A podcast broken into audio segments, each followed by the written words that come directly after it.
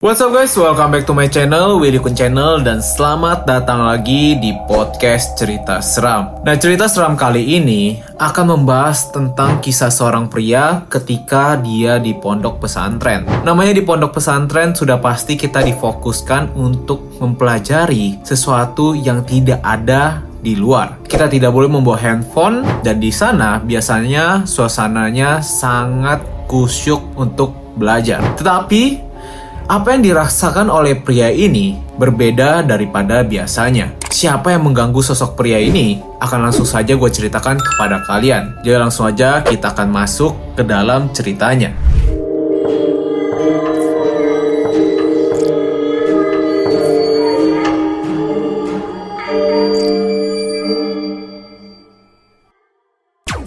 Kejadian ini terjadi pada tahun 2015. Saya pernah tinggal di sebuah pondok pesantren di daerah Cisarua, Bogor. Itu adalah pesantren milik saudara bapak saya. Bangunan asramanya dikelilingi oleh hutan dan jurang. Untuk mencapai pemukiman warga, dibutuhkan waktu sekitar 15 menit dengan berjalan kaki pastinya. Dan itu pun hanya melewati jalan setapak yang jika di malam hari hanya bisa mengandalkan cahaya bulan sebagai penerangannya. Oh iya, seperti peraturan di pesantren pada umumnya, para santri tidak diizinkan membawa handphone dengan alasan apa pun, atau mereka akan menyitanya kalau ketahuan kalian membawanya. Balik lagi ke cerita, waktu itu bulan puasa yang kalau tidak salah sekitar hari ke-15 atau 20. Jadi, sebagian santri sudah pulang. Saya tidak tidur di bangunan asrama utama pada waktu itu karena memang di asrama utama sudah sepi. Jadi dari asrama itu ada sebuah rumah kecil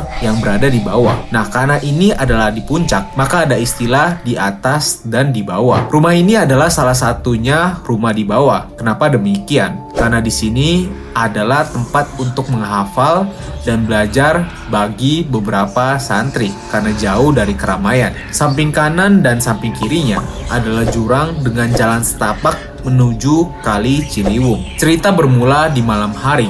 Selesai mengaji kira-kira pukul 11, saya dan santri yang lain mengobrol di sebuah saung. Saya tidak tahu bahasa Indonesianya apa, tapi ini adalah sebuah saung. Saungnya lumayan kecil dengan bagian belakang sebuah terpal plastik transparan. Tiba-tiba ada orang yang berdiri di belakang terpal tersebut dan saat saya menengok, orang tersebut langsung jongkok. Melihat kejadian itu, saya langsung melongok ke kolong dan ternyata tidak ada siapa-siapa. Anehnya, dari sekitar 10 orang, hanya saya yang melihat kejadian itu. Mereka bilang mungkin saya salah lihat, tapi saya yakin 1000% bahwa saya tidak sedang berhalusinasi. Singkat cerita, kita balik ke asrama, enam orang tadi tidur di asrama utama dan empat orang termasuk saya tidur di rumah kecil yang saya ceritakan tadi. Jadi di rumah itu terdapat tiga bilik kecil yang masing-masing memiliki pintu. Dan di rumah itu terdapat pintu samping dan pintu utama. Di kamar satu, itu ada saya dan teman saya, Aldi namanya. Kamar kami ini berada persis di samping pintu utama dengan jendela super besar yang kita tutup dengan sarung karena jika dibuka pemandangannya adalah hutan. Di kamar dua ada teman saya sendiri dan kamar tiga pun sama, hanya ada satu orang. Oh iya, bangunan ini semuanya terbuat dari kayu dan jika membuka pintu kamar, maka isinya hanya ada ranjang dari bambu. Jadi benar-benar satu kamar itu diisi dengan ranjang dari bambu dan kolongnya adalah tanah. Pada malam itu, Entah kenapa saya tidak bisa tidur. Jadi saya hanya guling-gulingan saja sedangkan si Aldi sudah tertidur. Tiba-tiba saya melihat ada bayangan orang di luar melewati jendela. Ketika melihat itu, saya sama sekali tidak berpikir bahwa itu adalah hantu, tapi itu adalah maling.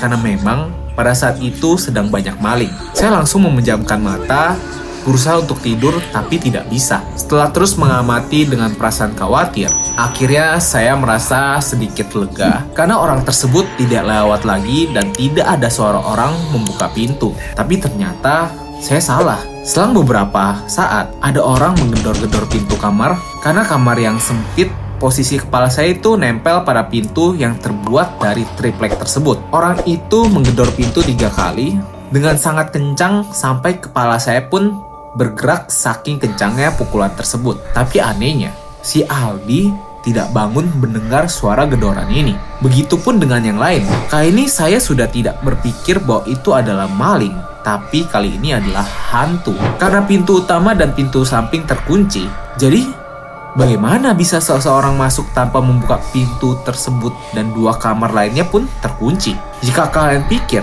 itu adalah akhir dari ceritanya, kalian salah. Setelah suara tersebut berhenti, bayangan orang lewat muncul kembali. Kali ini badannya sangat tinggi sampai-sampai hanya terlihat sampai perut atau dadanya saja. Saya langsung berusaha membangunkan Aldi karena saya sudah sangat ketakutan. Tapi tumben, Aldi sangat susah dibangunkan kali ini. Bayangan tadi hilang, saya sedikit tenang walaupun badan saya masih gemetar dan ingin menangis rasanya. Dan ini adalah puncak kehororannya. Tiba-tiba, ada yang mendorong ranjang bambu yang saya tiduri dari kolong beberapa kali sampai saya terlempar. Rasanya seperti saya sedang tiduran di trampolin dan ada orang loncat-loncat di samping saya. Buku, kitab kuning, semua berantakan. Bagaimana dengan Aldi? Dia tetap tidur dan tidak bergerak sama sekali. Seolah-olah tidak terjadi apa pun. Saya hanya bisa menangis sambil baca segala doa yang sudah campur aduk di otak saya sampai-sampai ayat kursi tercampur dengan doa makan. Setelah beberapa menit, akhirnya semua berhenti. Dan sekitar 15 menit kemudian, guru saya datang untuk membangunkan untuk masak sahur. Karena sudah jam 3 pagi. Apakah kalian menyadari sesuatu? Jika tidak, maka saya akan bantu jelaskan. Kejadian tersebut berasa sangat singkat, bahkan tidak sampai sejam. Tapi ternyata itu terjadi sekitar 3 jam. Karena memang awal penampakan orang lewat itu jam 12-an. Oh iya, begitu mendengar suara guru saya, saya langsung membuka kunci dan lari keluar tanpa berpikir panjang. Tapi saya tidak menceritakan apa-apa sampai siang hari. Mereka tidak percaya, tapi setelah itu saya sakit tiga hari dan guru saya mengobati saya. Dan ternyata beliau sudah tahu apa yang terjadi dan meminta santri lain untuk pura-pura tidak percaya agar saya tidak takut. Beliau bilang, saya diikuti sosok Mbak Kunti. Setelah diberi segelas air yang sudah didoakan, saya langsung tertidur. Dan saat bangun, badan saya sudah terasa normal lagi. Mungkin itu saja pengalaman horor saya. Saya tidak memaksa kalian untuk percaya, karena saya pun masih tidak percaya kalau itu benar-benar terjadi. Mohon maaf jika ada kesalahan dan bahasanya yang berbelit-belit. Nah itulah kisah yang diceritakan. Kalau ngomongin tentang rap-rap atau ke tempat kita belajar sesuatu ya, tempat pesantren gitu ya. Karena gue beragama Kristen, dulu ada yang namanya kalau di dalam agama Kristen tuh ada red-red angkatan.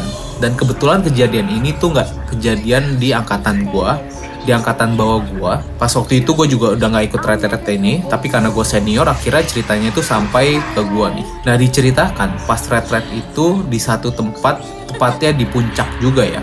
Di puncak tuh ada satu villa yang horor. Memang gue udah sempet dua kali ke sana. Memang suasana tuh horor banget. Biasanya villa di puncak yang digunain buat retret itu aulanya besar dan uh, rumahnya juga berdekatan tapi berbeda sama yang villa satu ini, rumahnya berjauhan, hawanya juga pengap dan sedikit lembab gitu guys. Nah di sini dibilang sih anak-anak yang junior itu, namanya anak baru besar ya, mungkin mulutnya nggak dijaga. Nah akhirnya beberapa hari lewat di situ, satu orang wanita tumbang.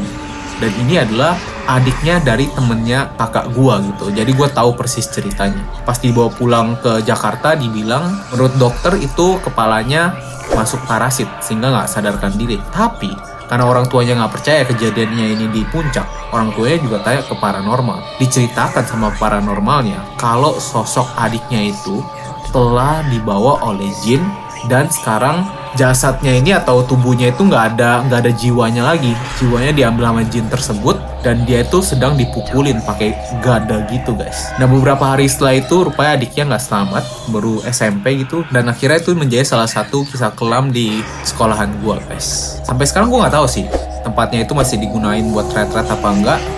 Tapi pastinya itu kejadian yang gue sendiri tahu beneran ada sosok-sosok seperti itu guys. Nah gimana menurut kalian kisah ini guys? Ada gak sih dari kalian yang punya kisah sama persis seperti ini atau kisah yang mirip seperti ini dan kalian pengen share? Kalau kalian pengen share langsung aja kalian bisa DM gue di Instagram Willy Kun dan di situ kita akan bawakan cerita seram kalian di podcast cerita seram. Nah itu dia guys konten hari ini guys. Jangan lupa ini saatnya untuk kalian share podcast cerita seram dan support channel ini dengan cara klik tombol subscribe-nya aja. Nah sekarang gue mau undur diri dulu. Terima kasih untuk kalian yang selalu menemani podcast cerita seram dan khususnya gue Willy Kun guys. See you guys in the next episode. Willy Kun sign out. Bye.